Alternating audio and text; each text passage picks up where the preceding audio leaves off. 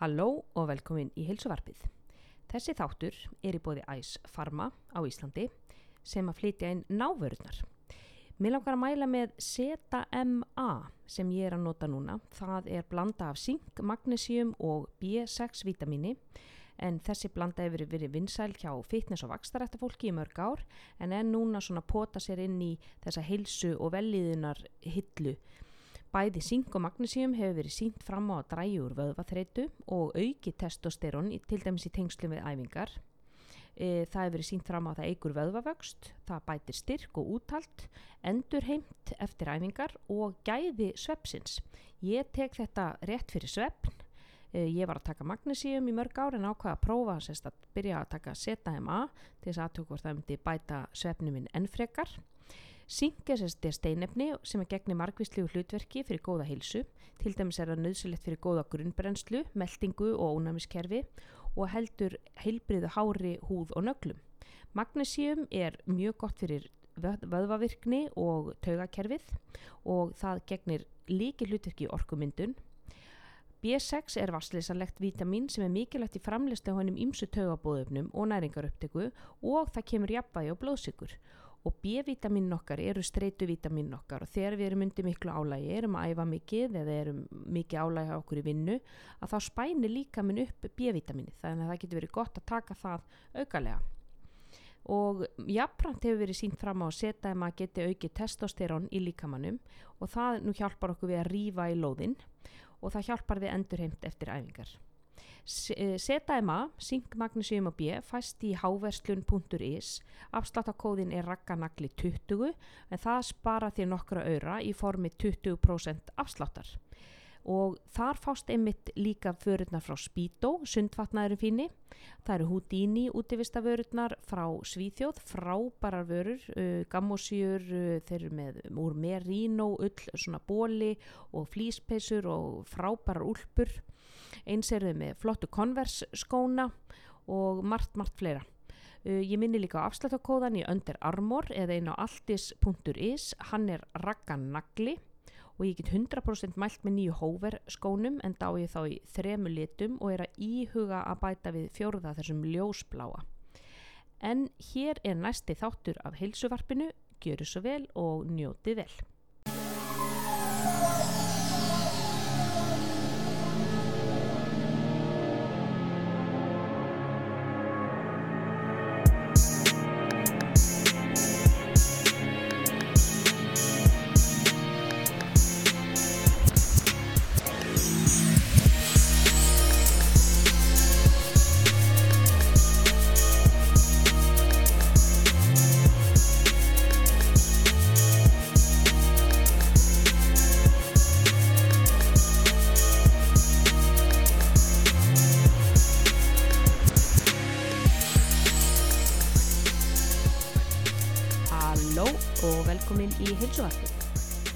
Er ég komið ennir frábæra gestin til mín, engan annan en næringafræðingin Geir Gunnar Markusson eða Geirinn eins og hann er kallaður, þannig að þegar Geirinn og naglinn er í sama herbyggi þá gerist eitthvað stórkvæmst. Geir Gunnar Markusson er næringafræðingur sem að vinnur hjá heilsustofnun Náttúruleikningafélagi Íslands. Við ætla að lefa þér, Geir, að kynna því sjálfan til leiks. Gjör svo vel. Sælvega, takk fyrir að taka mótið mér. Já, takk fyrir að koma. Ég semst að þess að það er starfið á heilstónum Náttúrleikafélags Reykjavíkur eða Íslands og er sér líkum heimasíðu Náttúrleikafélagsins. Skrifa þar um allt sem tengist heilsu og málefnum þess. Og svo er ég, þú ég er geirinn, ég er líka heilsu geirinn, sko. Það er mín ástriða Þú ert heilsu Geirinn á Facebook, eða um ekki? landi á, Mm. held fyrirlestra og svolítið, svo er mjög gaman að því og það er svona, það er svona þriðja jobbið mitt og skemmtilegast að fá að Það, fræða landsmenn sem heilsu geirinn. Það er það sem okkur finnst nú skemmtilegast að gera, Geir. Það er að uh, þruma heilsubóðskapnum í líðin og reyna að heilsu að landan eins og við getum. Það er ekki leiðilegt. Nei, það er misjón, það er misjónið, sko. En okkar leiðir hafa nú leiðið saman lengi en það ertu náttúrulega hafyrðingur Mm og það er náttúrulega allt gott fólk kemur úr hafnafyrði Það það eins og til dæmis uh, maðurinn minn sem Mhm. að var einmitt með þér í, í grunnskóla þannig að, að við, okkar leiðir hafa, hafa leiðið saman og, og við náttúrulega erum svona á þessari sömu bylgjulengd og þú ert náttúrulega sprenglærður í, í næringafræð og tókst hann í, varst, þú varst í Danmörku eitthvað? Danmörku. Já. Þeir komið í vetinu úr Landbúhóiskólinn á Fredriksberg. Já, menn elsa Sko. Já, þú varst í Lambo hauskúli Landbúhóiskólinn. Sko. Já, já, já, Freðsberg Hver, það, Hvað ár var það?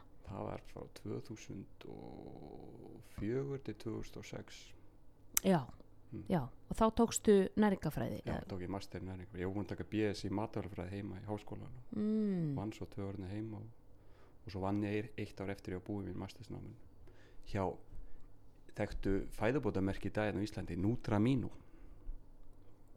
Það er, það er aldeilis stegt í Danmörku. Já, mjög stort í dag. Já. en þarna var það bara svona byrjun að skrifa og maður svona grunnvinnunni og þróa fæðubótarefnin eða Já, sko, Nutramino er bara eitt stærsta hérna, fæðubótarefnið í, í, í Danmörku, þetta er eitt stærsta, stærsta keðan og fer bara stækandi og já, stækandi sko. já, alveg virkilega. Mm, mm. gaman að fylgjast með þeim Já, akkurat. Og hvað varst að gera þar?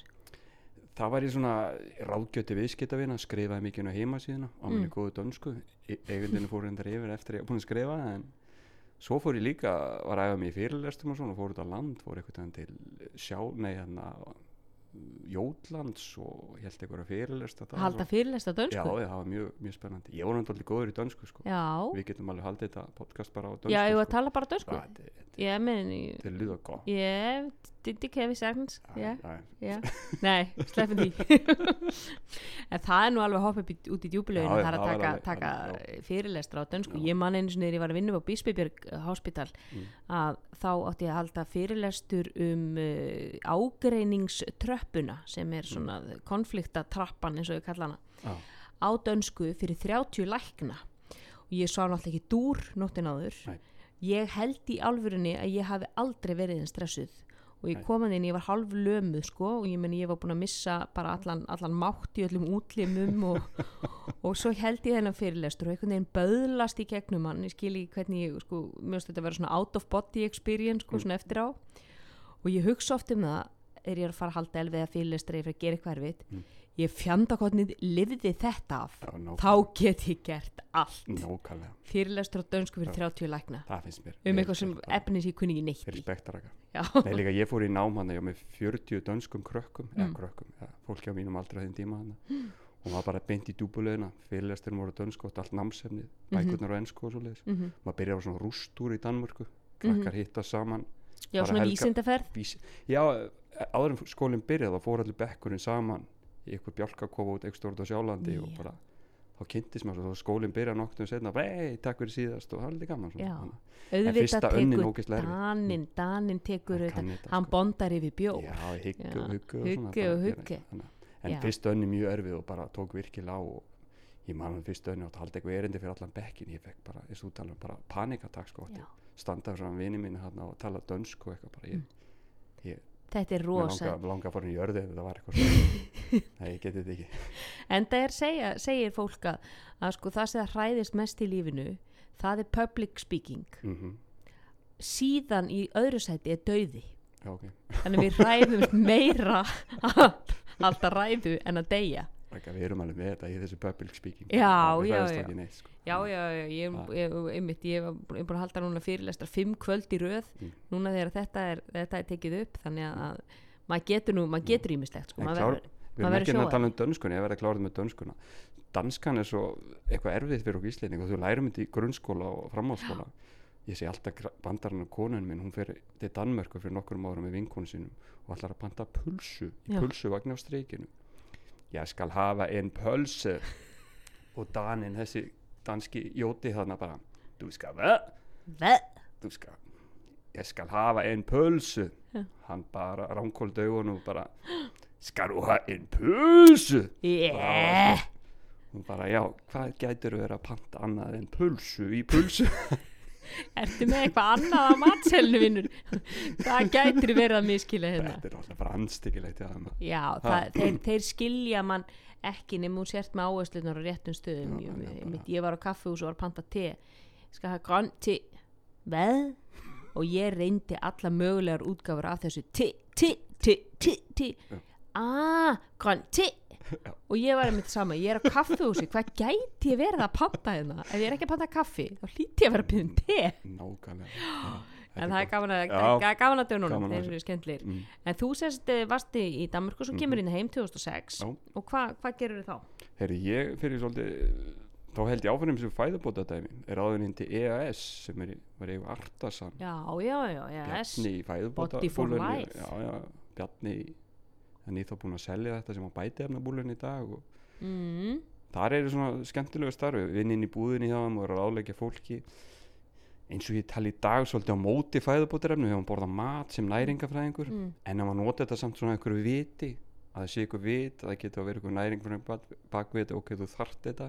Mm, en hvort þeir sem er að selja þetta græði selja mikið á næringafræðing með svo spurning sem maður má spyrja sig eftir á því að já, hann getur leikvið sagt nei, þú þart þetta ekki, þú áttir að geta að fá þetta úr fæðinu. Þá er fórstjórun hann þú hefur geta selt þess að Magnúsíðun dollu hann þannig að þetta getur, það er svolítið erfitt þetta er kannski svolítið svona ef maður lítur á sífið tilbaka kannski svolítið kontroversið og líka hann út á mínu að í dag er ég svolítið svona að tala notum mat, ekki fæðubótarefni. Ég er álegg fullt af fæðubótarefnum en það er svona einstaklingsbasis, ég er ekki með fylgast og segir alla konur yfir þrítugt verða að taka þennan pakka að gjöru svo vel. Það er bara eitthvað svona, ég fer inn í siggu og svo dísu vingunan og, Mhm. og sé þá talumeldingu og þannig að ég er ekki í ykkur svona pakka er einstaklingsbasis. Eiginlega svolítið eins og mataræði líka. Við Hva, hver, hvert er þitt álit á fæðubótarefnum svona yfir höfuð? Góð spurning þetta Já. er orðin orðið hjúge markaður. Við Hann sko fyrir og milljarða- stækkandi með hverjum degi. milljarða á Íslandi bara og enn stærra. Það var þetta mjög hilbriðu maður á hann fæðubótarefni komu. Og við erum svolítið við trúum svolítið á mátt fæðubótarna en leggjum minni mátt á, á matinn. Mm mér langar svolítið að sjá okkar Instagram þannig að strákar ef ykkur er til í þetta mm. Instagram stjörni sem er í sambandi við sölufélag garðirkjumann og er eftir ræktina að háma í sig rauðróur og gulrætur og já, söðfjárbændur og rýfur í sig eitthvað kjamma og hann er, hann er eins og vikingur trettmarkið hans er væking Þið væri það, ég myndi Nei, að væri með hashtag viking, hashtag eitthvað sko strákar, eitthvað heljumennan út eitthvað sponsa, já ég er sko sponsaður að sölufélagi garðirkjumanna já, drekku misu bara Já. eitthvað alveg íslensku vikingur snar ísle, bara íslenski konum bara er hann ekki bara hægt að fá Simon Davíð í þetta? Meina hann var nú allt til þess að reyna að trenda þetta hérna í henni í den já, íslenska kúrnum sko. Já. Já. en, En- ég, en með sko- ég legg alltaf áherslu notum mat fyrst og fæðubótarinn eftir og þau eru svona uppfyllinga á lélegt matræði því vantar þetta. Það er fullt af fólki sem fæðubótarinn náttúrulega bara allir ístendingar eiga að taka D-vitamin mm mjög margir í vandræðum. En sko, sé, gerir greinamun sko eins og, þú veist, nú tölum við um fæðu bótarefnum, ég svona liggja svolítið í, í eðli orðsins fæðu bót, þetta er viðbót við fæðuna, Mm. Veist, við erum að borða fæðu, Mm. svo fáum við okkur einhverja viðbót. Og, og það er náttúrulega munur sko á, og ef við tölum uh, um prótínduft til Mm. dæmis, eða erum við að tala um D-vitamin skilur, við hljóttum að gera greinamun á, á því sem er sko vítamin og steinefni mm. og sem er sko fyrir mér er það svona bæti efni og svo er sko þessi fæðubótar duft Já, ok, þú lítur meira á sem sagt, ef það er eitthvað svona uppfita kolvetni prótein, viðstu það meiri svona fæðu sko, bót já, mér er svona eh, sko, eins og til dæmis að tala um stundum í bandaríkjunum þá er sko meal replacement. Mm já, og það er orð sem ég þól ekki því að sko það á ekkert að koma í staðin fyrir mat. Það á ekkert að koma í staðin fyrir máltíð. Þú ætti að reyna að borða sko sem mest úr fæðuninni af bara heilum óunum afurðum, bara kjúkling og, og, og hrískurón og, og Amen kjöt fyrir og ég held að við séum algjörlega sem er blaðsíðu þar. alveg, alveg en svo er það sko þessi prótínduft og svona sem að sko hvert er þitt álit á þeim til dæmis það nýtast fólki sérstaklega í mjög styrtaþjálfun og líka þetta með tímaskortin þú hefur ekkert alveg tíma til að hendast heim úr skeifunni um traffíkina, það tekur klukkutíma að komast inn í kópu og, og þetta er eitthvað window of opportunity tala um hálftíma best fyrir besta upptakan á próteinum eftir æfinguna. Mm. þannig að vera með eitthvað, eitthvað próteinduft eða eitthvað recovery eftir æfinguna Mm finnst mér bara einhvern veginn hluti af æfingunum. Ég finnst að vera að Mhm. skemma góða æfingu verð ekki að hugsa það svolítið til enda og ég er búin að ganga hérna vöðuna hvernig, hvernig næri ég það eftir þetta líka? Þannig ég held að það sé og þá er ég að tala um svolítið alvöru styrtaþjálfun. Mm ég er ekki að tala um siggu í body eh, mig, Já, þú veist en- að hugsa hversu mikið átöku hversu mikið, mikið er þetta sko Já. en margir eru á mjög hátt level í styrtaþjálfun og svoleiðis og þannig að Já og það er einmitt alltaf að verða náttúrulega stærra og stærra þú veist eins og með crossfitinu og þú veist að fleiri og fleiri eru sem betur fyrir að fá, sjá fleiri og fleiri sko inn í, inn í ræktarsalum við að sko taka í stangir og lóð og ég meni ég maður bara þegar ég var að byrja það var einn skottrekki í, í, í Já, ræktinni sko. Ég meni nú er þeir 6, 7, 8 og maður er bara í vandræði með að fá þetta skottrekka sko. þetta bara konur á öllum aldri Já. eru bara að rífa hnébeginu ég bara ég elska þetta þetta sko. er geðveik, mér finnst þetta Já. bara frábært. Crossfit er svolítið valdið þetta er bara, það eru stangir í öllu líkastöðstöðum og bara rekkar og pallar og með bara Já, bara eleg og bara flottustu sænsku stangirnar, eitthvað liftingastangi bara, þetta er ótrúlega flott þróun og bara, ég er ánægð með eins og þetta nýja slókon sem ég held ég kom á crossfitinu, strong is the new skinny. Já, að þrjár dætu mínar vil ekki vera eins og eitthvað catwalk stelpur, þetta vilja bara vera sterkar og flottar sterkar og bara- flottar og bara- vöðvar og, já, já, bara já, já. sjálfstæðar og sterkar en ekki eitthvað eins og eitthvað í vindi sem að vera alvöru dóttir. Já, mér finnst það, svona, mér finnst það þetta er flott slókan og ég vona þessi þróun sem CrossFit hefur komið að svona og við ræðumst ekki lóðin. Auðvitað verðum við líka að passa okkur. Þú ert ekki að rífa upp eitthvað lóð annað hundra kíló eða eitthvað sem vita hvort að gera Nei, nei, nei, nei. Skynseimin verður náttúrulega alltaf að ráða för og, og, og, og fallegt liftingaform skiptir meira máli heldur en, heldur en sko talan á, á, Já, á, já. á plötunum. Nákvæmlega. En þú segir sko að, að það er partur af recoveryun eftir æfingu er að vera með þú veist, eitthvað prótín duft með sér. Og þetta er Já. náttúrulega eins og segir, þetta er hagkvæmi kostu til þess að fá inn prótín. Já, já, og, og prótín er alltaf ekki sama prótín veist, það er, það er uh, til aragrúi á markaðanum Mhm. það er til misuprótín og kasínprótín og, og baunaprótín og plöntuprótín og þetta er orðið svo stór markaður núna. Þetta er fara að henda þú veist, það hendar öllum, þú getur verið vegan og þú getur samt fengið sko prótínduft sem er með öllum aminosýrum Mhm. þú veist það er búið að blanda saman kínóa brúnum, rískurunum Já, og já, baunaprótín til að fá þess að fullkomna aminosýru prófíl og svo náttúrulega það sem ég verið að nota svolítið er chicken bone broth ok. hérna úr, úr kjúklingabeinaseiði. Já, ég á erfitt með mjólkuvörur og, og bönir er svona já, það verður svona ákveðið Tjernobyl ástand heima hjá mér þegar Ok. okay. mikið af þeim. Þannig að, að kjúklingabeinaseiði prótín, Mhm. það, það var bara eitthvað alveg, nei, beina, já, beinaseiði. Já. var líka stúdfullt af kollageni já, sem náttúrulega bara byggingarefni Já. allra vöðva og liðamót, ég aldrei þurfti að klippa með neglunar eins og oft og en ég nota það bara sem sko svona viðbót. Mm, sko 90% af mínu prótíni kemur úr kjúklingi, fiski þú veist, kjöti, svínakjöti, nautikjöti þú veist, allt þetta. bara frábært en það er upptakan líka hún er betri og flottari. Við erum hönnuð sem mannveru til að borða og melta mat já, ekki duft eða töflur. Ef við ætlum að lifa svolítið á það er bara meal replacement og prótindir ykkur á kvöldin og mótnuna þá ertu svolítið bara eh, ekki að næra þig nógu vel. Upptakan verki af góð og bara alvöru fæðu. Nei, og þau líka bara, næring, meltingum mun líka bara slökka á sig, þú verður að borða alvöru mat og þá veit hann ekki hvernig á að hvernig á að eiga við þetta því hann kann ekki að melta fæðu. Einmitt. Þannig að ég, við þurfum hugsun svolítið mat. og það er líka ástæð fyrir við erum með tennur og, og, og við verðum náttúrulega svona sáttari sko. Meldingin og það er það ekki rétt hjá mér? Svona meldingin og þetta byrjar allt í munninum Jú, við það að tyggja. Já, já, og fara enzýmast að smá niðurbrót á kolvetnum og það þannig að það, svona, það byrja þannig þannig að, að sko það að, að hérna að uh, ekki að tyggja þú veist að Mm. borða eða flesta sína fæðu úr þannig að hún sé fljótandi Já, já. eins og margir gera, fara á Mm. einhvern kúr þar sem þú ert að drekka þrjá seika á dag. Þú ert aldrei að tyggja neitt nei, nei, en þú ert aldrei alveg nógu sáttur. Nei, nei, vanda mettunan líka á það það kemur ekki alveg mettun þegar þú tyggur.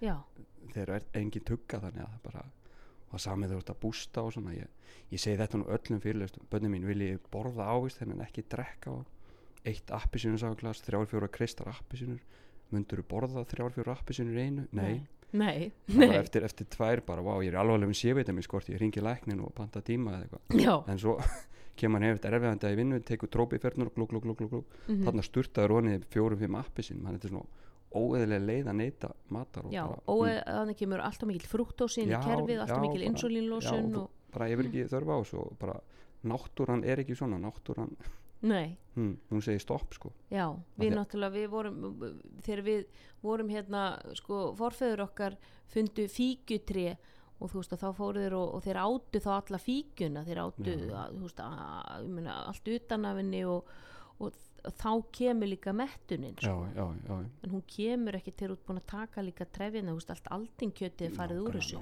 djöflir samanlega, það, það má alveg bölva í heilsuar Nei, líka með fæðubótir mér veist fólk komið á svo hátt level núna í æfingum mm að þetta verður að vera meira fólk þarf að fara að nota það meira líku að því að það þarf að fá inn orku og það þarf að fá inn ákveðin efni sem vantar. Hvaða bætiefni mælið þú með eins og fyrir fólk sem er komið hátt level í styrtaþjálfun?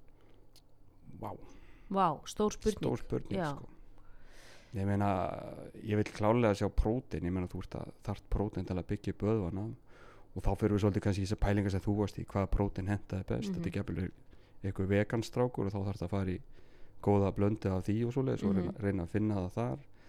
Ég vil sjá magnesium. Magnesium bara hjálpa til með meldinguna margir í crossfitun og svona, svona búin að taka mikið af kolvetnunum það getur aldrei eitthvað hægða, hægða vandamálum þar eru Mm. mikið að trefjum og svoleið mm þannig að mér finnst það bara upp á vöðvana líka ekki með vöðvasamdort og annað. Mm, D-vitamin er standard fyrir alla. Mm glútamin er uh, aminosýra en hún er reynda mikið náttúrulega bara í próteininu þannig að ég myndi svona vilja sjá hvort það er til C-vitamin en þetta er svona en ég, ég þarf að hafa gæjan henni fyrir fram ég Já, get þú, ekki, þú vildi ég segi ekki við Sigga ég, ef ég væri með topp 3 crossfitarni heiminum veginn, ég held Mm. að hver og einn væri á svolítið mismjöndi, mismjöndi stað og, mm, en, en þetta eru prótein með eitthvað bætefni til þess að þetta ámarka getuna ég, ég svona, svona almenna ráleikinga væri þá magnesium, C-vitamin glútamin, glútamin já glútamin er, er líka frábæð þetta er náttúrulega aminosýra sem finnst í mestu magni líka mann og hún gegnir náttúrulega líki hlutirki að bæta ónæmiskerfi hjá okkur nákvæmlega.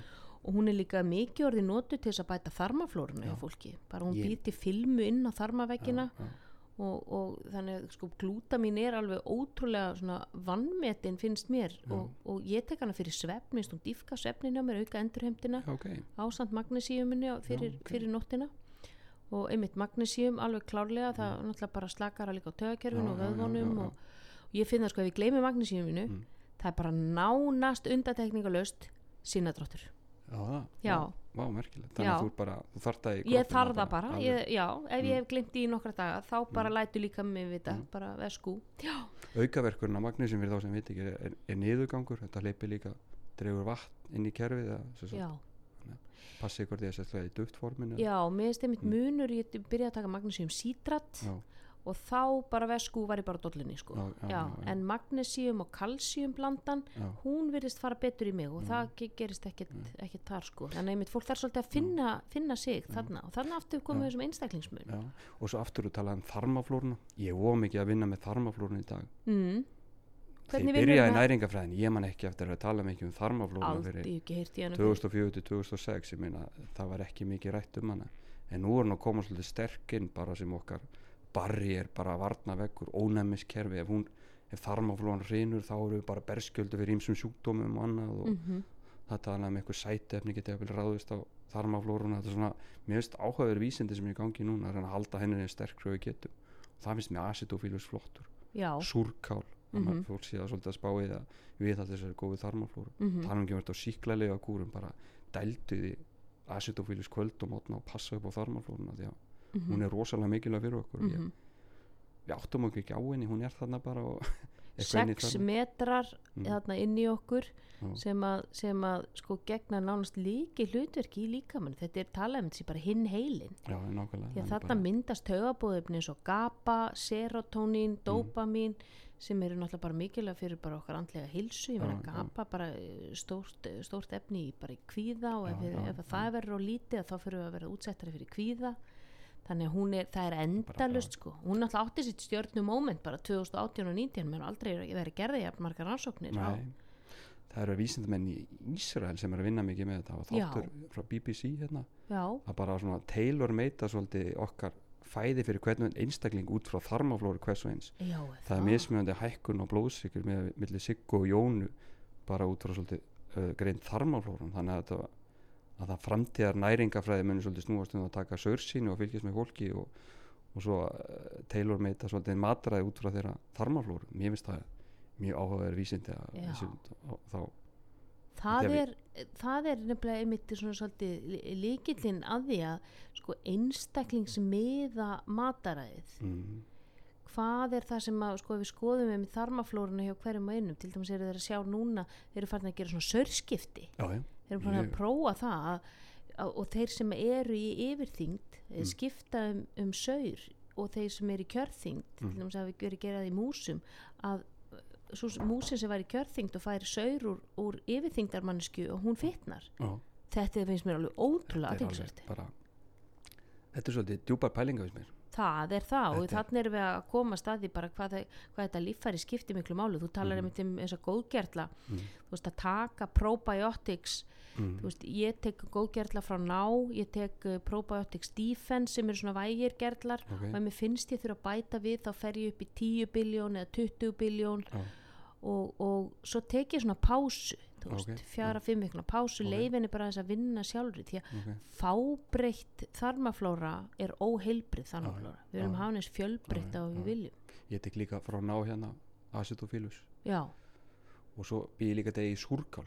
Já, er það það? er ekkert mál, þú bara ert með græmmet úr garðinum og skerði þetta niður og bæti salti yfir og vatni kemur upp og letur þetta býða í tverti þeirra vikur út á stofuborðu og það komið súrkál, setur hann í ískap og geimist endalust og sko í einni teski að súrkáli eru fleiri gerlar mm. heldur en sko í handfylli af já, já. mér finnst bara, þetta er svo auðvelt eitthvað. Sérstaklega græmmetti að koma upp görðun núna. Notið þetta, þetta ástæðan fyrir að súrkál var til er út af þessu öll löndin bara uh, sáurkrátt í Þýskaland það kom bara græmmit upp úr görðunum á haustin. Mm hvað við gera við þetta, við erum að geima þetta. Mhm. skerum þetta niður, setjum salt yfir. Já.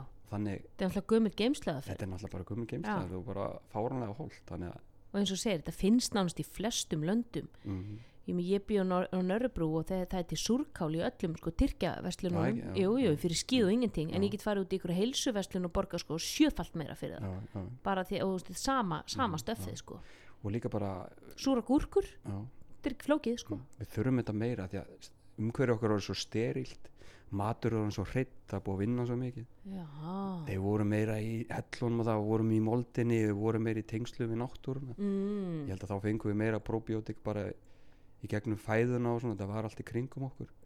En nú er allt orðið döðhreinsa matur er mikil unnið og svona þannig við þurfum miklu meira af þessu dag heldur þurftum fyrir árþúsundum sko. já, og það er bara sannast í forkveða. Á misjöfni þrýfast börnin best. Ég meina við, við þurfum stundum að borða sand. Já, etum moldinni ég bara, þegar ég kemur leikskólinn til dættir minna já, já, ég með það er steinefni í sandinu Já, sko. já, já, að en það eins og við vorum að tala um með að svona einstaklingsmiða mataræði Mm. og, og sko nú er náttúrulega eru mataræði sem að tröll ríða öllum núna og ég menn sérstaklega í september og janúar þá er herjað á einhvern veginn eimt landsmanna mm, og, og þeirra vonleysi eftir sumarið eða jólasukið og kynntir nýjir kúrar og nýjar mataræðistefnur og nú náttúrulega bara eru fólk annarkvort eða, það er annarkvort er það að fasta mm, eða það er á keto eða það er jafnvel bæði. Að fasta og keto. Hvað er álit næringafræðingsins ú, nú förum við hvað hefur langan tíma rakkan? Eh, þrjá fjóra tíma? já, já, þrjá, fjóra- helgin já, maður? ég er með sveppoka en, en, sko, við fyrir mér að fara á eldfimt svæði hérna. Hva, hvað er þetta álit á við getum alveg einfalda þetta bara. Ég, já, við veit keto. fólk hvað keto er. Ef að segja ykkur hvað keto er, hlustendur góður já, keto er háfitu fæði. Svona 70-75% orkunar kemur úr fitu. Mm 20% eru prótein Mm. og svona 5% bara sem minnst eru kolvetnin við Já. höldum þeim alveg þetta er þetta er náttúrulega engin kolvetni, mikil fita og miðlungsprótein þannig ef við horfum á þetta svona út frá nestisbóksinu mm. þá ættur að vera með svona bara góða dollu af majónesi, þú Mhm. ættur að vera með svona eins og bara uh, lófafylli af, af kjúkling og svona áttakrækibir já, já, það væri svona, það væri svona samsetningin af kolvetnin, já, prótum og já, ég fytu held að það sé svolítið Já, vel áætlað. og við, við sjáum við einhvern með það? Er í raun að vera fólk á keto? Ég held að fólk mis, ruggli keto í að það sé mál það er bara, ég bara borða kjúkling og egg og eitthvað, já en þá ertu búin að keira prótein og hátt og þau umbröldast yfir í sigurna sem líka menn við úr þannig að halda í lágmarki. Þannig að það, þú skemmir keto með því að fara á hátt í prótein já, þannig að þessin prótein er bara 20% ekki 30% eins og í lágkólvetna þannig að, þannig að það er, það er intakið, það er prótíni þau, þau, þau, þau taka þau úr ketósu já, þau, geira, skemma ketosunu sko, þess vegna verður að halda því moderate sko, þannig að mátt ekki, þannig að fytan skemmir ekki ketósuna nei hún bara já, hún fer ekki yfir umbreyting og nei, breytist ekki yfir í ekki sem að- einmitt. þannig að mis, misskilningum með það held að margir sem við það þannig að hlustendur góðir þetta er ekki lágkólvetna fáið mm. þetta er háfitu kúr mjög strángur finnst mér. Mér finnst þetta virkilega strikt ég hef séð að margir sem hafa keto og komið til mín er að díla við hægðatregðu. Ef þú ert ekki nú duglegur eins og í græmmetinu þú þarft að fá einn trefjarnar þá ertu að stípla þér svolítið. Þannig að Mm. ef þú ert á keto dældin alveg grænkálinu og fullt, fullt, fullt að græmitinu þannig að það má ekki reynda að róta græmiti að þá ertu komið er sterkjuna. sterkjuna. Þannig að þetta er ótrúlega ég er ekki, ó, mér finnst þetta erfiðu kúr. Mér finnst, ég skil að hvernig er vinsæll. Mm. þetta er alveg rosalögur árangur sem fólk nær. Og jafnvel matur sem ég er alveg bara sáttu við bara fullt af fytu og bara afi, bara yes, nú má saldeilis borða feitustu bitan á kjötinu og ég Mm. má bara setja rjóma og smjöra á allt einhvern veginn og en fyr, hvað finnst þér um það að það fólk sé að borða svona óbúslega mikið af fytu hvað áhrif hefur það á líkamann? Náttúrulega fyrsta þetta sem fólk er að gera er að færi þess að ketósu líka með fyrir að brenna fytur með því að borða fytur þetta hljóma skringilega, samt er það. En ég sem næringafræðingur ég Já. elska öll næringarefni. Prótein, kolvetni, fytu ég lærði það bara, ég, við lærðum að elska þau í næringarefni en verður maður ekki að hafa þau í réttum hlutföll hafa þau, ekkert að þeir eru óvinnur okkar. Nei, hvernig var þetta fyrir 20 árum, þá var fytan óvinnur okkar. Bara, já, ég, ég man það bara fitusnautt. 99 þegar ég var að byrja og var að fá mínar áleggingar það Mm. mátti ekki vera fyta ekki radíus við munnvikin nei, sko. alltaf að drekka fytulösa mjólk og fytulösa mjólk og verið í öllum lófatt jógurtunum og, og skýr.is vanilu, maður átt það ég bara, ég, ég kúast eða hugsa um bara lyktina því. Ég var í Júlabess hérna hafna fyrir lækjaþreki og það var, þá drakk ég okkur þrjár fjóru svona létt húsegugjógurt á dag. Nei, ég okkur innbyrt svona 100 grömma sigri bara, já, bara jógurt þetta var létt húsegugjógurt Já, ég var í ræktinu fita. að taka á því það bara allt, allt svo létt þannig að bara sem betur fyrir, þessi vittleisa fari við erum búin að gera eitthvað grein fyrir að fita er ekki óvinnur okkar. Nei, en núna undanfæðin 10-15 ár hafa kolvetnin bara aldeilis verið alveistu óvinnur okkar. Já, og þau núna í keto verður komin nýr í 5% Hmm. þau fengu þá hang inn í einhverjum 20-30% í Mhm. lágkolvetna mhm en nú eru við komin í engin kolvetni og ég, þá er ég orðin bara ég er orðin svolítið smekur Já. og við erum ekki, við erum svolítið tilvörunandýr og þetta þræl virkar fólk smýr af sér og fær enda keto flú getur fengið hana erfitt fyrst það ketoflensuna og kemst yfir hana Hvað er ketoflensa? þá er bara líka minn að fara yfir þetta form að brenna fytunni þetta er ekki Og hvernig lýsir hún sér? Slappleiki, hausverkur kuldi, það er svona eins og, eins og sért veikur eitthvað Mm. Og og skrúa niður í þér þetta eru svona einhverju tvei, þrjú dagar segir fólk sem, sem kemst yfir Já, Mm. en, en, en sko ef við horfum bara á það fyrirbæri Mm. ketoflensuna Mm. að þú þarft að komast í gegnum einhverja þrjá, fjóra daga af einhverjum einhverjum, sko, einhverjum, einhverjum volæði og, og eimd og, og reyna að þrauka Mm. Er það eitthvað eðlilegt fyrir líkamann? nei, það er svo margt óðilegt þess að kúra raka mig alveg, þannig að En- Ég er svona velti fyrir mér svona heilsufars eh, sko, Mm. þú veist, heilsusamlega gildinu ef, að, já, ef ég þarf einhvern veginn að, að, reyna að harka að mér. Mm, ég er svona hálf veikur. Já, bara því ég reyna að halda mig við eitthvað mataræði sem að, þú veist, Jóna í bókaldinu náður rosa góða árangur á. já, en veistu að góða við keto er að fólk er hægt að hrættu fytur fólk Já. er að borða fullt af avokado blómkál í búðum fæst ekki það er Nei, allir ykkur það. blómkálsréttum og bara ég bara, yes, loksins er fólk fara að borða blómkál fólk er fara að dyrka avokado það er með ólíur út og allt og bara þetta er það góða við það en svo er það slæma þetta er orðið þetta íkt þegar þú ert fann að lifa á þessu bara þú ert hægt að líta við öllu því öðru góða í mataræðum Já. þannig að en, það er með alla þessa kúra þeir eru allir með svona lágkólefna, tökum burtu hvíta sigurinn keto, elskum fytun mm skilur við hvað meina, það föstur veistu hvað, ég er að að segja fólki að fasta. Mm.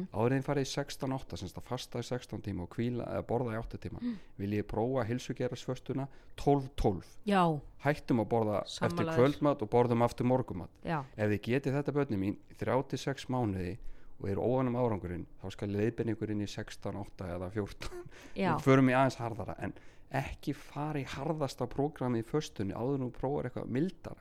Þetta er eins og myndi byggja, ég myndi byggja röggunagla, raka, ég þarf að hlaupa kaupanafda marathon um helgina, Já. ég líti búin að reyfa mig, ég þarf að fokkin komast þetta, alla stelpunum sömuglumnar að fara, gef mér prógrami fyrir þessu bara, ég fer þess að 40 kilometra Einmitt. Nei. um helgina og það er já, nei, þú veist ekki að gera þú stoppaði þarna við þurfum að fara from couch to 5k Já. svo ertu að fara að hlaupa 10 og allt er að fara í hálfmarathon og svo er kannski 2 ár me- ár í minnsta lagi ertu að fara að hlaupa marathon þú ert ekki að fara í þetta marathon núna en, en við bara hendum út þessum föstu kúrum alveg bara 16-8 förum öll á 16-8, mér finnst þetta þetta Mhm. er algjör vitleis og, og komið allt og langt komið allt og langt, ég er alveg sammálaður og, Mm. og vera að henda sér út í sko, þú, ef þú er aldrei fastað að þá ætlar allt í hennu sko, flest okkar föstum frá við, við föstum svona flest í svona 10 til 12 tíma, ég meni við hættum að borða kannski um 7-8 leiti á kvöldin og við erum Mm. að vakna þú veist, 6-7 og erum að borða okkar morgumat kannski, þú veist, 8 leiti daginn eftir, Já, við erum svona sirka yfirleitt í einhverjum 10 til 12 tímum á milli máltíða sem eru bara automatísk fasta. Já.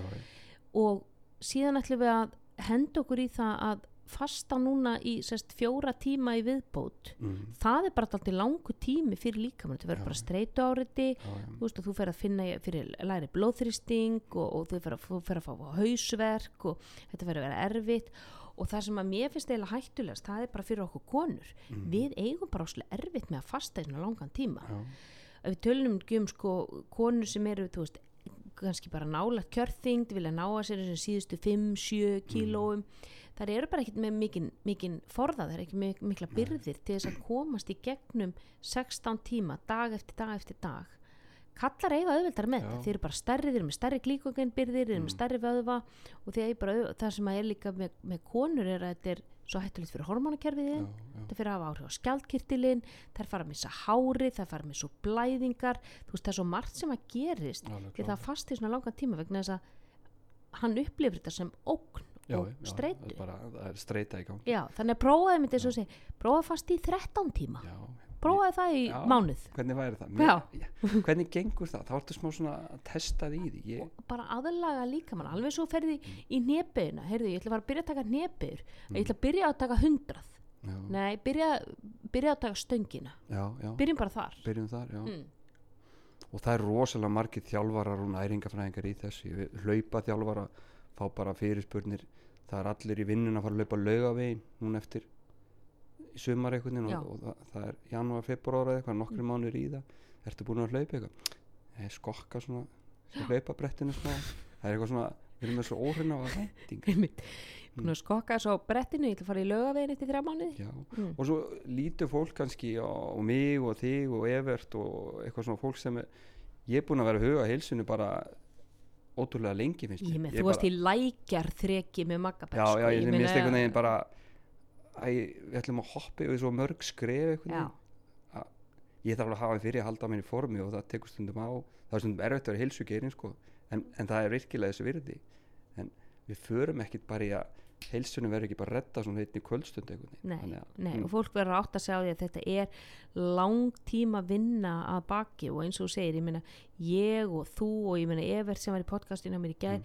við erum fólk sem er búin að æfa í meir en 20 ár. Já, þannig að þetta er samsapn þú veist, okkar líkamlega atgerfi mm, er samsapn af, af þessum, þessum tveimur áratugum. Já, og Guð hjálpir ef að við erum ekki öll búin að gera sko eins og þú segir, þú ert búin að vera dundrið í húsavíkur jógurt og, og ég meina ég prófaði öll prótínduftinn og ég er búin að prófa þú veist allt mögulegt, í Mm. fitness og geta bara kjúklingabringur og hvítur og túnfisk og þú veist maður er búin að prófa allan fjandan þannig að við, verum alveg, við vitum alveg hvað erum að tala um. Já, og það sem að mér finnst svona mikilvægasti bóðskapurinn minn Mm. er alltaf þetta heilbriða samband við mat og við Nákvæmlega. öðlumst það ekki gegnum öfgar Nei, það er ekkit heilbrið öfgorm öfgarnir er eitthvað svona bóð og bönn já, þá matur orðið eitthvað svona við erum orðin hrætt við bara fólk fær bara fóbíu að brauðsneið sko bara. ég verð að segja skemmtilega sögur rækka sögu. næringaráðgjöf, bara fólk sest í stólinn hjá mér fyrsta sem það segir 90%, 80-90% af fólki sem sest til í stólinn er að reyna að grennast. Svo sest það í stólinn, krossleikur hendur. Veistu hvað gerir Gunnar? Nú er ég byrjað að grennast.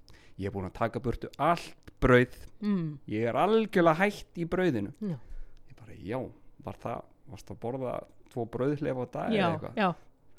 nei, en bara það bara, hættulegast öll í matar en lítur að vera brauð, þá er einhvern veginn brauð er búin að fá þennan stimpil að það sé bara frá djöflinu já þeir segja að þú getur rætt banka í Ameríku með brauði, það er alltaf svo hrætti við glútein.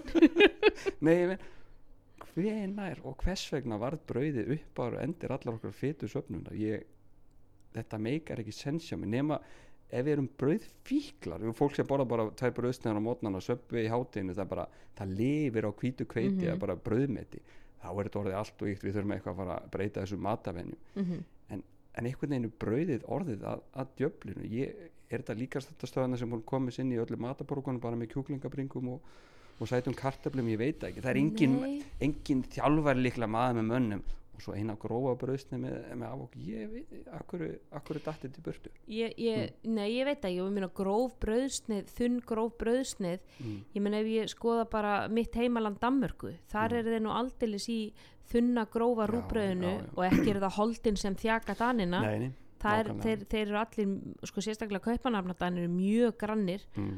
og það er náttúrulega má, má skella því á, á, á hjólin en þeir borða líka þeir fá sér sína brauðsnið en það er svolítið skemmtilegt að fylgjast með þeim er að í kaffitímanum að þá er þeir með brauðið, þeir taka brauðið Mm. og svo er þeir búin að pakka inn í, inn í plast Mm. öllu álegginu Já, og ok. það er eggið og það er inn í plasti og það er, er, eru rækjurnar og það eru í litlu boksi og, mm. og, og það er majónesi og það er í, í li- litlu boksi líka. Já, já, og þeir taka sér tíma í að raða þessu fallega ofan á brauðið svo setast þeir niður og þeir eru með nýf og gaffal og þeir borða hægt og rólega sína einu brauðsnið. Mm. og hvað, hvað er með frakkana? Með sínu bagett já, já, hvað með til dæmis með, með ítalina með, Mm. með hvítu pítsubotnana og allt þetta já. þetta er ekki þjóðir sem eigi stórkostlegum Nei. þingdar vanda þeir kunna borða þeir kunna borða, þeir borða bara minna af því þannig að neyta miklu ein minna. brauðsni á dag er ekki það sem er að fitta því sko. Nei, við Íslendingunum hámarar, við hámum svolítið við, við þannig hvað er það sem að hva- hvað er það sem veldur ofþyngd hjá fólki? Vá, það eru samspil Nei, þegar ég byrjaði útskrifa þessi Milljón dollara næringafræðingur úr den kongeli vetun úr Lambóhauðskulun 2006 með masterskrifa næringafræði þá ætla ég bara að vinna offitu heimsins. Ég var svo uppveðra, nú bara kemur heilsugeirin og, og tekur þetta. En eftir því sem vinn meiri í þessum heilsubransa þá átti ég mig á svo og þá verður þetta svolítið leiðilegt sko. eða flókið. Þá kemur næringin hún er mikilvæg og það veit ég mest um. Svo er reyfingin, þú ert að huga svefnin og þú ert að huga sálatetrinu mm að vera næringafræðingur raka mín er stundum að vera sálfræðingur. Mér vantar sálfræðingur á þennan sem þú ert með. Að því að ég fer að ræða fólki já þú ert að borða svona mikið á kvöldin. Já, svolítið mikið tröstisbísu erfitt í vinnunni og kallin eitthvað ekki aldrei heima og oh my god, ég er komin okkur slóðir.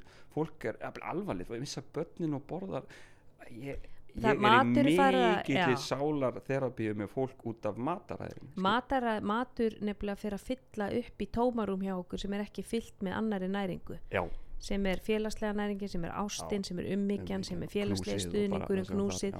hvað er sjálfsræktin, ert að fara Já. út? Ert að gera eitthvað fyrir sjálfa, ert að fara út og hitta vinnu? Hvað langt þú fórst í bíó, hvað langt þú fórst í leikus hvað langt þú fórst í hand- og fótsnýrtingun eða nutt eða hvernig ástu einu með sjálfriðir og, og þú veist, Nákvæmlega. það er allt þetta sem skiptir máli.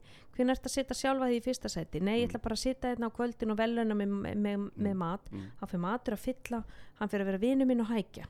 Og mér finnst gaman af mér því að þú ert aldrei að losa út dópamín Nei. á neinum öðrum stöðum Nei. þannig að þetta er eini staðin sem ég kann að losa út dópamín það er að, að sökka mér hún í gúlusókið Já, og mér finnst einhvern veginn gaman að sjá þess að þróun að því að Evert er komin inn í þetta þú ert að tala um þetta Sölvi er búin að skrifa eða bókum þetta samspil næringar, reyfingar, svefn og sálarlífsins Mm. að við séum búin að gera okkur grein fyrir þetta snýst ekki bara um að djöblast inn í ræktinni þetta snýst ekki bara um að borða ógeðslega flott eða vera á kjet mm -mm, þetta er samspil allar þess að þáttar sem stuðlar okkur hilsu mm -hmm, og við getum ekki slítið á því sundur. Þetta er bara keðja tengt saman. Mm -hmm. reynda að slíta því sundur þá mun þessi keðja slít og þetta er verð með. Ég sá þetta svo oft, ég vann í world class. Mm, fólk kom í ræktina til mín kortir í sex á mótnan, lága á hurðinni bara, opnaði, já, á hangið á hurðarhúninu. Já, hangi á hurðarhónu maður sá hvað það var að það, hefði svo þurft að sofa einu tím- tíma Já. lengur Mhm. ekki fórna svefni Nei. fyrir reyfingu Nei. þú verður sigga mín að koma reyfingun fyrir þegar börninu fara að sofa á kvöldin eða komast út í hátíðin eða, mm -hmm, Ek, eða fara fyrir að sofa. Mm -hmm, skilum ekki Akkúrat. slögt á símanum og farða að sofa og þá ertu út kvíldi og kemur í ræktina mhm. þannig að átta sig öllu þessu samspili og ég sé þetta líka svo ég veit ekki hvað ég fæ marga fyrirspurnir frá fólki út í bæ. Gergunar, getur þú skrifa fyrir mig matarprogram mhm, já, ok Ertu að leita eitthvað, ég var bara eitthvað sem grenni mig. Mhm. ok, nógu mikið af próteinum helst keto, já, og ekkert brauð. Ekkert bröðin eini, það er Mm. bannað sko. mm ok, og bananar. Já, passaði bananar. það á bönunum ég hef sendt út svona prógram til ykkur að frænka en fólk er ekki endast á þessu af því það er ennþá sama stressið heima og í vinnunni. Mm það er engin hreyfing það er ekki, þetta bara enn eitt kúrin einhvern veginn, ég hlýta að geta haldið út þetta prógram en nei, þetta var allt og stramt skilur. Mhm.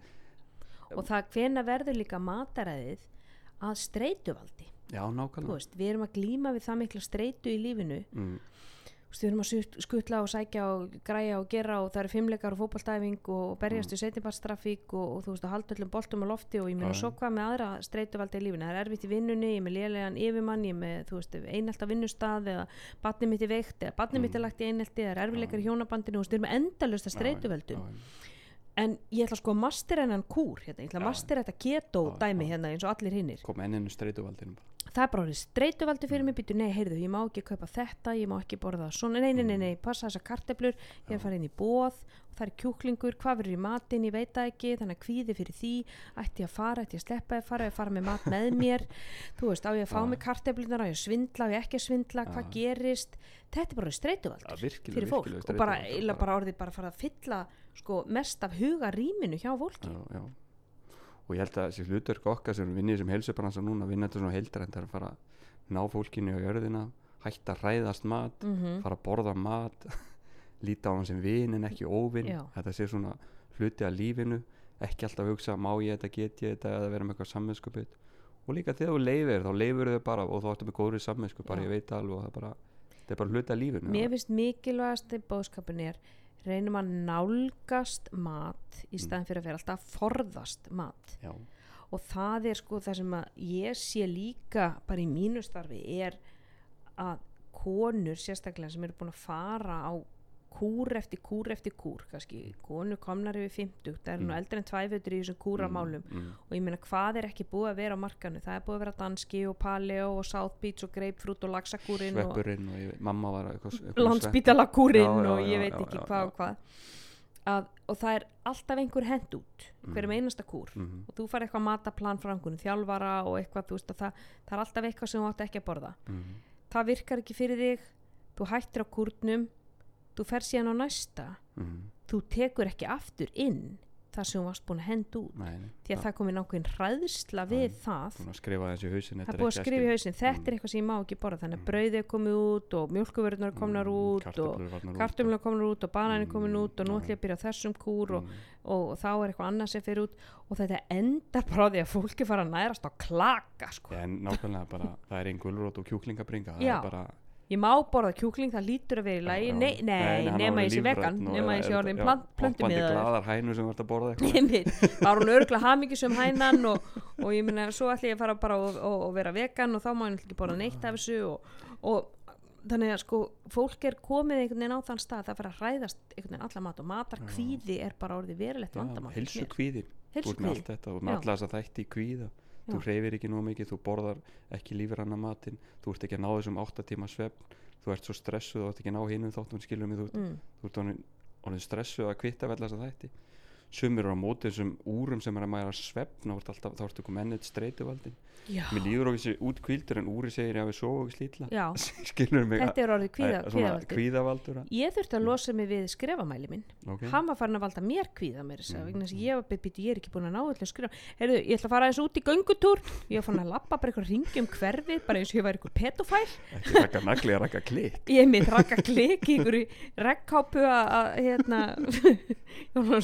stokker Ah. að lappa um hverfið bara til þess að ná einn skrefunum já, já, þannig ég losaði mig við það og, og ég skrifaði grein sem heitir Tekorexia í Já. hérna Nordic Psychiatry blað Nú. á ensku ok þar sem ég var með eitthvað að tala um þetta og öppin sem er að tellja hjá okkur kaloríunar og, mm. og, og þú veist, ég, það var einn sem kom tíminn og segi, við heyrði ég að mæla hérna kaloríunar í gegnum þetta app og ég vissi ekki að makrill væri svona óhollur já, ok ég sé byttu makrill, akkur Já. hann svona óhollur Já.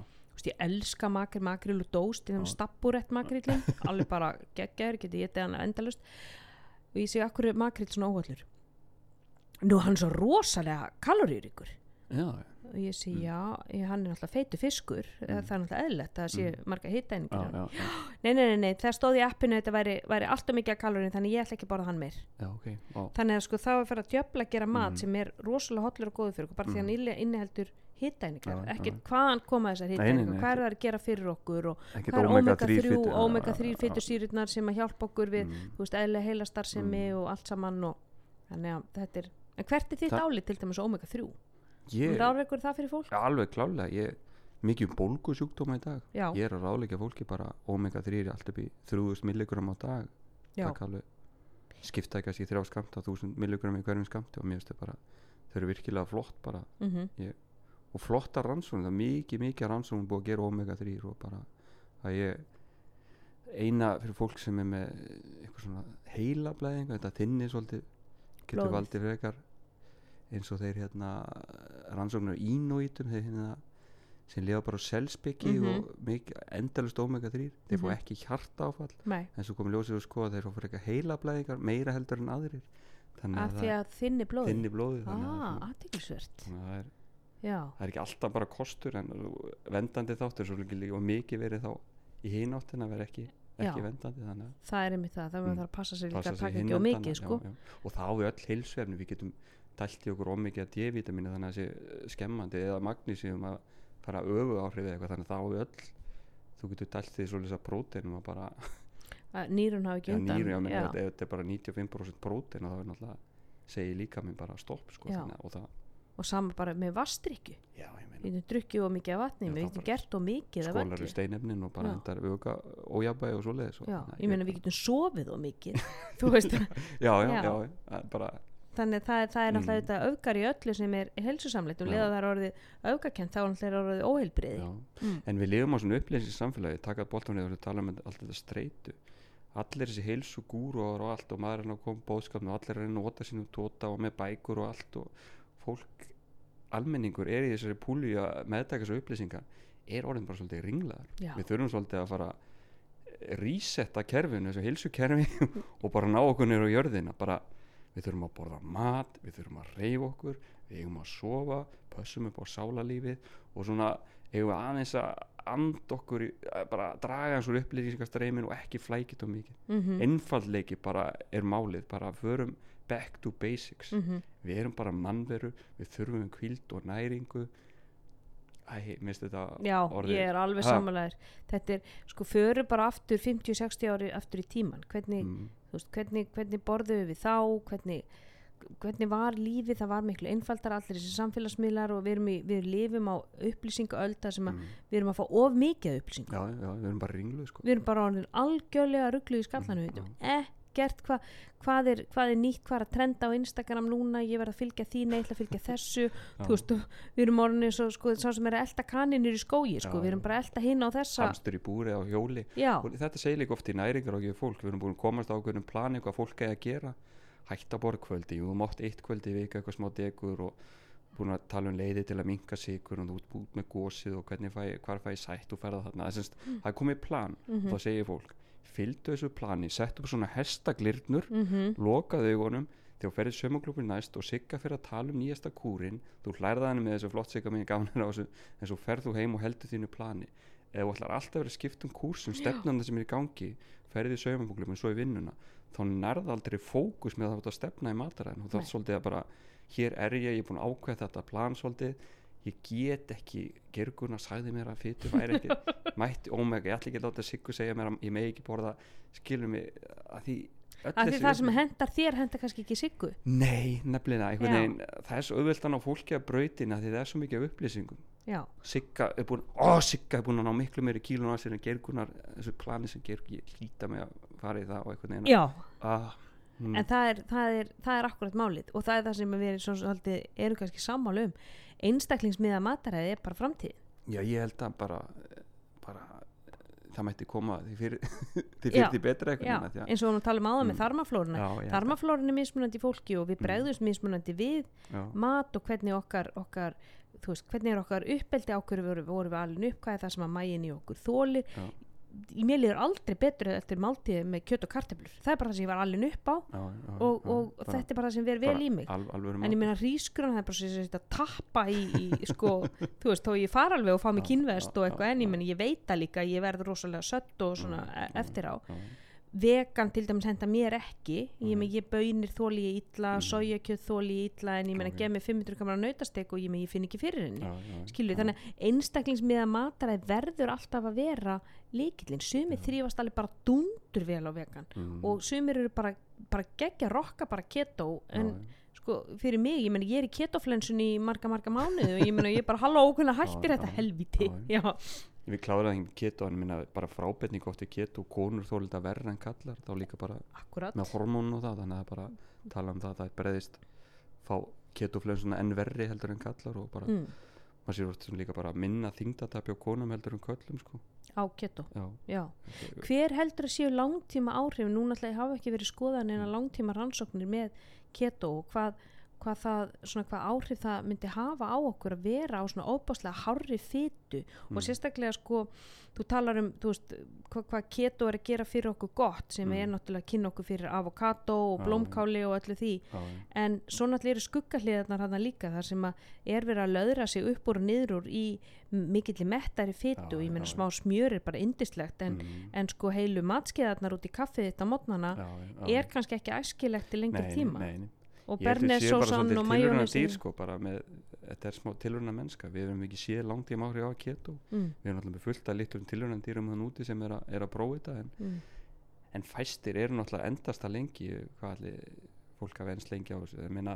Einhverja, sko, rannsóknir sína svo meta-analýsu sína að fólk er ekki lengur en svona 8 til 12 vikur á, á keto. Ok, það næri ekki, það, og þeir sem endast lengst það er þeir sem er í rannsóknarstofum já, og þeir sem er í svona sko, svona íþróttamenn sem Já, eru já, í já, bara já. st ströngu aðaldi mm, þannig að meðal Jón og Gunna eru 6-8 vikur sko. já. ég held að einmitt fytu það var ekki áhugavert að fylgjast með því þegar framlega stundi hvort sérstaklega þessi metta að vita hún er ekki æskileg og það þú lítur bara á fytun en gleymur hugsa svolítið um, um gæðin á fytunni að ég þarf bara fytuna en, en hugsaður ekki. Það saman líka oft í það búið ekki stúdíu með það. Fólk var obsessed á lágkólvetna það mátti ekki borða kolvetni. Mm -hmm, en þegar maður sami um drasli sem það borðaði svo lengi sem það hétt ekki kolvetni. Mm ég skal borða ógeðslega mikið af beikoni sem er reykt og söldu dýraafurð. Ég mitt. En ég mun aldrei snert á brauði. Þetta er einhvern veginn já, svona já. Ok, þetta meikar ekki alveg sens í mínum hausa veginn, þú ert tilbúin að leggja allt í því mun alveg sama ef það er kolvetni þá er það eitur. En allt þessu utan ég skal tyggja öll tyggja heimsins með öllum sætöðunum heimsins ég skal bara borða allt en passa það bara sé ekki bara kolvetni. alls ekki kolvetnin sko. Já líka Já, þessu að ég er alveg til í að borða Mm, mm. bacon einmitt sem er unnin afurður, reykt og sölduð og allt. Já, en Guð forði mér frá því að borða banan sem kemur bara beint úr náttúrunni. Nákvæmlega þetta er svona og, og það líka keto fyrir þarna og fer ekki að hugsa um hvernig fita þetta er þá heldur þetta geta enda svo lítla já, fytu, lifur jafnvel eða þú veist, hvað, hvað heldur að getur svona langtíma ég myndi um Áhrifin. þetta og, og gallið, ég held að geta svona það er of gallið er alveg í offramlið þú veist, gallið hlutleysi fytun í meldingaveginum mm, gall sest utan á fytun og meldingasafin er vasskendur já, þannig að til að geta lista upp í fyta leist ekki í vatni, þú prófa bara að setja fytu já, sér hvernig flýtur hún á vatninu. Þannig að galli leysir fytunu upp þannig að hún meldist en það er svo gríðarlega mikið seiting á galli, ég held að þetta geti enda bara með ósköpum gallsteinum öðru. Að vera erfiðar að ég, finnst það, held að það sé eitthvað sem við getum séð meira eins og gallsteinar og já. Mm. þannig að einmitt gallsteinar að því að Mm. gallið er bara vinna yfirvinnu það er já, mikil vinna á gallinu. Það er bara seitir í endalust út að, alltaf og við erum ekki hönnuð að borða bara fytu eða 70, 75% sko. nei, nei, hvað eru við hönnu til að borða það var ísla leiðilegur grár gammal hjálparegt að fæðu börni mín. Það veit þetta að vera við erum með kerfi til að vinna úr öllu þessu. Já. það sem þú ert eins og sá þú ert- þú svona fyturíku fæði það er margt gott í kolvetnum. Þú ert með trefjana, þú ert með B-vitamin þú ert með ímislega sem líka með þarf. Þannig að við erum í fjölbreytninni. Við erum orðnar alætur. Mm við erum ekki sérlega vel gerð til að vera vegan með þess að þótt að margir eru þótt að dýravenda sjónum Mhm. og bara umhverfisvend og annað þá erum við ekki, getum ekki unnið B- B12-vitamin eins og, eins og í ortudýrun og það við þurfum að fá það í gegnum þá fæðu bótarefni þannig að við Já. erum mannskefnan orðin alæta já, já, já og, og Mm. veganar eru mjög duglegir að, að bæta upp sitt sko þeir sem eru svona útsjónasamir og sniður já, já, eru mjög sniður að bæta inn eins og játni og B12 bara í utanakomandi utanakomandi formi. Já, já, og, og sem betur fyrir það fáanlegt núna því að það gerir fleirum klift að, að stunda þennan lífstíl sem að þeir, já, þeir vilja. slálega já þannig að ég held að bottom line hjá okkur geiri sé bara einstaklingsmiða mataræði framtíðin. Hvað henda þér, það hendar ekkit endilega siggu Nei, Í nákvæmlega, saumaklúbbnum? nákvæmlega. ég verða að klára, þú talar um samlokuna ég voru við í sama skólanu með eitthvað þannig í Danmörku ég glemdi að segja þetta á hann já, með, með, með ég kom í skólan fyrstu dagana Mm. með samlokuna mína með íst, klassist bara skink og ostur bara klassiska íslenska ekki á hvítu brauði? Nei, á svona samsölubrauði? eitthvað dansbröð eitthvað, kannski rú, danst rúbröð sem er ekki íslenska þrjumar þetta kom í mig í papir í skólan dró ekki skólafélagin fram bara eitthvað svona smörrubröð já, ég bara hugsaði er þeir með murbröð stömmu heimi á ég skammaðis mín svo mikið ég var bara í hotni bara vá hvað þetta eru flott að samla ég er að segja það. að Danin bara- metnaður í dananum með nesti sitt og það sem að mér var skemmtilegast var Mm. það sko, en þegar ég var að vinna á Bísbjörgsspítala var sko hvað, hvað allir voru nánast með sinn eigin meðpekki. Já, þeir með, koma með það heiman og það er metnaði þeir eru búin að vera kvöldi áður að pakka hverju einustu rækju Mm. og hverju einustu eggjasneið Já. inn í lítið eitthvað, eitthvað bref og svo koma þeir með þetta og þeir raða þessu öllu upp. Og þetta er bara, þetta er ákveðin aðtöfni, þetta er ákveðin ritual í kringum þetta. maðpakkin er bara frá, frá því þau eru unga börn sko, þetta er bara í leikskólan og skólan og þetta bara fer upp í ég var hann í háskóla í mastersnámi. Það voru allir með sinn meðpakkin Já, bara, og þetta þykir alveg ég, ég var hætta með minn, minn meðpekki og Mm. var svona pínu feimin sko að því að Mm. reynsla mín frá Íslandi þegar ég, þú veist, ég er náttúrulega búin að vera með mitt eigin nestisbox í mörg mörg ár Mm. þegar ég var að vinna þú veist á hinum og þessum stöðum að þá er ég farin svolítið að borða bara eitthvað starf annar staðar og einum ég nefndi ekki þessum spurningum nei, hvað ertu með, Mm. hvað er þetta já, okay. af því að ég var ekki að borða úr mötunitinu ég var Ah. ekki að borða á, ég var ekki að borða úr sjoppunni okay.